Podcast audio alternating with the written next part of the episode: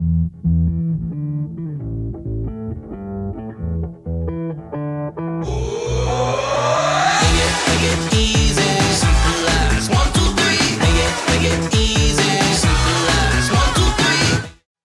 den, přátelé, vítám vás u podcastu Hackney Business s Janem Měšťánkem. A dnešní díl se jmenuje Jak se naučit být přirozeně pozitivní a zbořit omezující hranice ve své hlavě. Dejme si příklad. Je léto, ráno se probudíme, venku prší, otevřeme okno a negativní osoba zareaguje. Ježíš, to zase prší, to bude dneska nos, ježíš, to je, to je, to je deprese, depresivní počasí. Pozitivní osoba otevře okno, podívá se ven a řekne, je, prší, konečně, dlouho nepršelo, příroda to potřebovala, bude skvělý čerstvý vzduch. Opačná situace. Ráno se zbudíme, je léto, Uh, už ráno je 25 stupňů, teploučko, odpoledne hlásí 40, no a zase otevřeme okno a negativní osoba zareaguje. Ježíš, to je vedro, to bude peklo dneska v práci, já se budu potit odpoledne 40, děs. Pozitivní osoba otevře okno a zareaguje například je, to je krásně, už od rána 25 stupňů, teploučko, modrá obloha.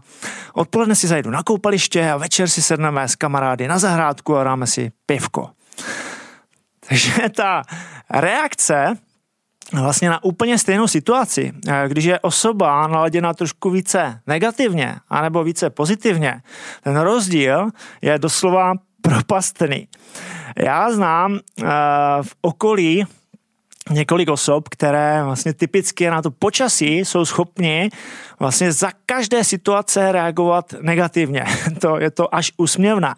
Když je léto, a nesvítí slunce, tak je to špatné léto, když svítí slunce, tak je zase pekelné horko, v zimě, když není sníh, tak to není prostě zima, a když napadne sníh, tak je to prostě šílená břečka, sníh, který se musí odklízet, na podzim zase padá listí, které se musí zametat. Zkrátka, dívají se na jakoukoliv situaci ohledně počasí negativně. No a to jsme jenom u počasí. Pokud bychom sledovali dvě osoby, jednu lehce více negativní, jednu pozitivní, eh, vlastně ve stejných situacích třeba půl dne a zapisovali si, jaké výrazy používají, tak bychom přišli na to, na ty rozdíly vlastně v tom vyjadřování.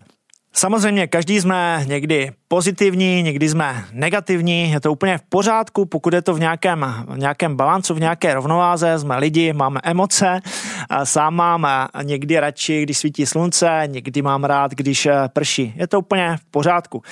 Problém nastává, nebo může nastat, když eh, začnou ty negativa převažovat, když se začneme vlastně dívat na svět více negativně, No a protože pak to může se to posouvat až do depresí, vyhoření a tak dále. Jak se říká, lidově na po, tři tečky, spadne záchod, nebo když se daří, tak se daří. Zkrátka, negativa přitahují negativa, pozitiva, pozitiva. No a potvrzují to vlastně i poslední studie, vědecké studie, které, které říkají, že pozitivním lidem se vlastně celkově v životě lépe daří. Obvykle mají lepší práci, pohybují se, mm, radši se s nimi stýkají lidi, pohybují se v lepších kolektivech, obvykle mají vyšší plat, obvykle uh, jsou zdravější, no a ve výsledku se dožívají delšího věku. No a negativní uh, to mají naopak. Uh, obvykle mají horší práci, uh, menší výdělky, horší zdraví a podobně. Samozřejmě ten rozdíl nemusí být brutální, ale rozdíly jsou tam patrné. No a dokonce eh, studie potvrzují, že se již rodíme s určitou predispozicí být eh, lehce více pozitivní anebo více negativní. No a že s ohledem na to, že těm pozitivním lidem se žije lépe, tak má smysl se snažit být, eh, být o malinko více pozitivní, protože se to pak projeví v celkovém životě. No ale jak na to, jak být eh, pozitivní, když jsem eh, permanentně, mám spíše horší náladu, eh, jsem negativně naladěn, zvláště když na nás ještě útočí ze všech stran negativní informace z médií, což dává logiku, protože média žijí z reklam a ty negativní informace bohužel konzumujeme radši. Je to možné, protože jako lidé máme obrovský dar, máme mozek, mysl, který má schopnost si, máme schopnost si věci vědomně řídit. No a můj jednoduchý návod, ale pozor, jednoduchost není jednoduchá, jak často opakuju, jednoduchý návod na to, jak se naučit být pozitivní, být jenom o kousek, tak je uvědomit si roli negativ. Uvědomit si, že negativa nejsou škůdci, ale že jsou to pomocníci. Jo?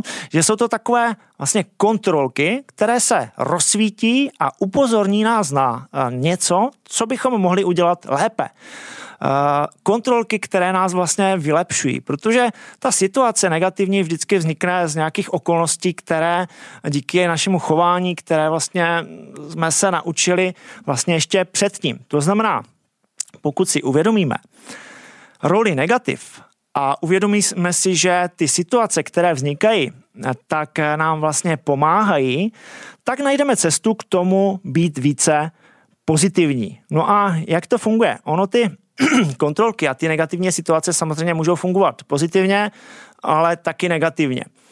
Takže pak, když si uvědomíme, že to negativum nás může někam posunout, že ta situace pravděpodobně vznikla z toho, že jsme se nějakým způsobem zachovali a že teď máme prostor si uvědomit, jak to příště udělat jinak, tak se posouváme směrem k pozitivu, ale naopak, pokud si to neuvědomíme a dobře, dobrá ukázka je například u zdraví, třeba nežijeme zdravě, nehýbeme se, jíme prostě nesmyslné věci, tak eh, se může stát, že se nám třeba zvýší tlak a stane se nějaká prostě nemoc nebo něco takového.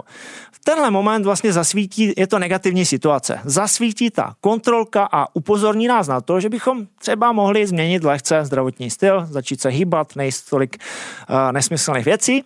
No a pokud si to uvědomíme, tak příště se do téhle negativní situace už pravděpodobně nedostaneme. Pokud si to neuvědomíme, což je časté, tak se nám ta negativní situace zopakuje znovu, ale nejenom v tom, v tom stejném módu, ale opakuje se ještě v, eh, ještě v horším módu, je to ještě horší negativní situace.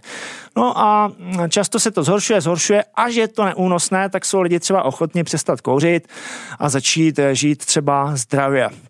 Takže tímhle způsobem funguje vlastně přístup k těm vlastně negativním situacím. No a pokud se naučíme vnímat ty negativní situace jako kontrolky, uvědomíme si tu roli negativ, že to nejsou škůdci, ale pomocníci, tak najednou začneme žít vlastně neskutečně šťastný život, protože ty negativa vlastně zmizí. Jo? Ty negativa se pro nás stanou vlastně pozitivními situacemi. Je zvláštní, že když jsme ještě děti a učíme se třeba chodit, tak eh, vlastně tuhle vlastnost máme zcela přirozenou. Jo. Učíme se chodit, nebo dítě se učí chodit, eh, postaví se, spadne, což je vlastně negativní situace. Díky tomu se zvedne a udělá to líp a zase spadne jo, a zlepšuje se, zlepšuje se, takže ta negativní situace ho posouvá vlastně dál.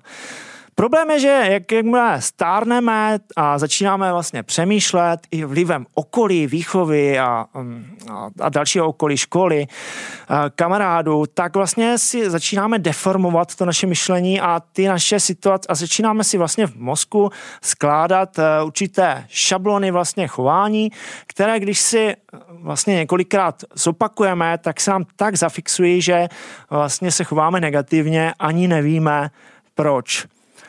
Výborné je, že, jak jsem zmiňoval, díky našemu myšlení, našemu mozku jsme schopni vlastně tyhle šablony poměrně jednoduše změnit, přepsat je na ty pozitivní. Takže tenhle princip kontrolek já ze své zkušenosti považuji za klíč k tomu, jak se naučit být přirozeně pozitivní. Ale samozřejmě nefunguje to hned, není to lousknutím prstu, je potřeba na tom zapracovat, ale pokud, pokud vydržíte, tak se dost, člověk dostane aspoň o krůček více k pozitivnímu myšlení.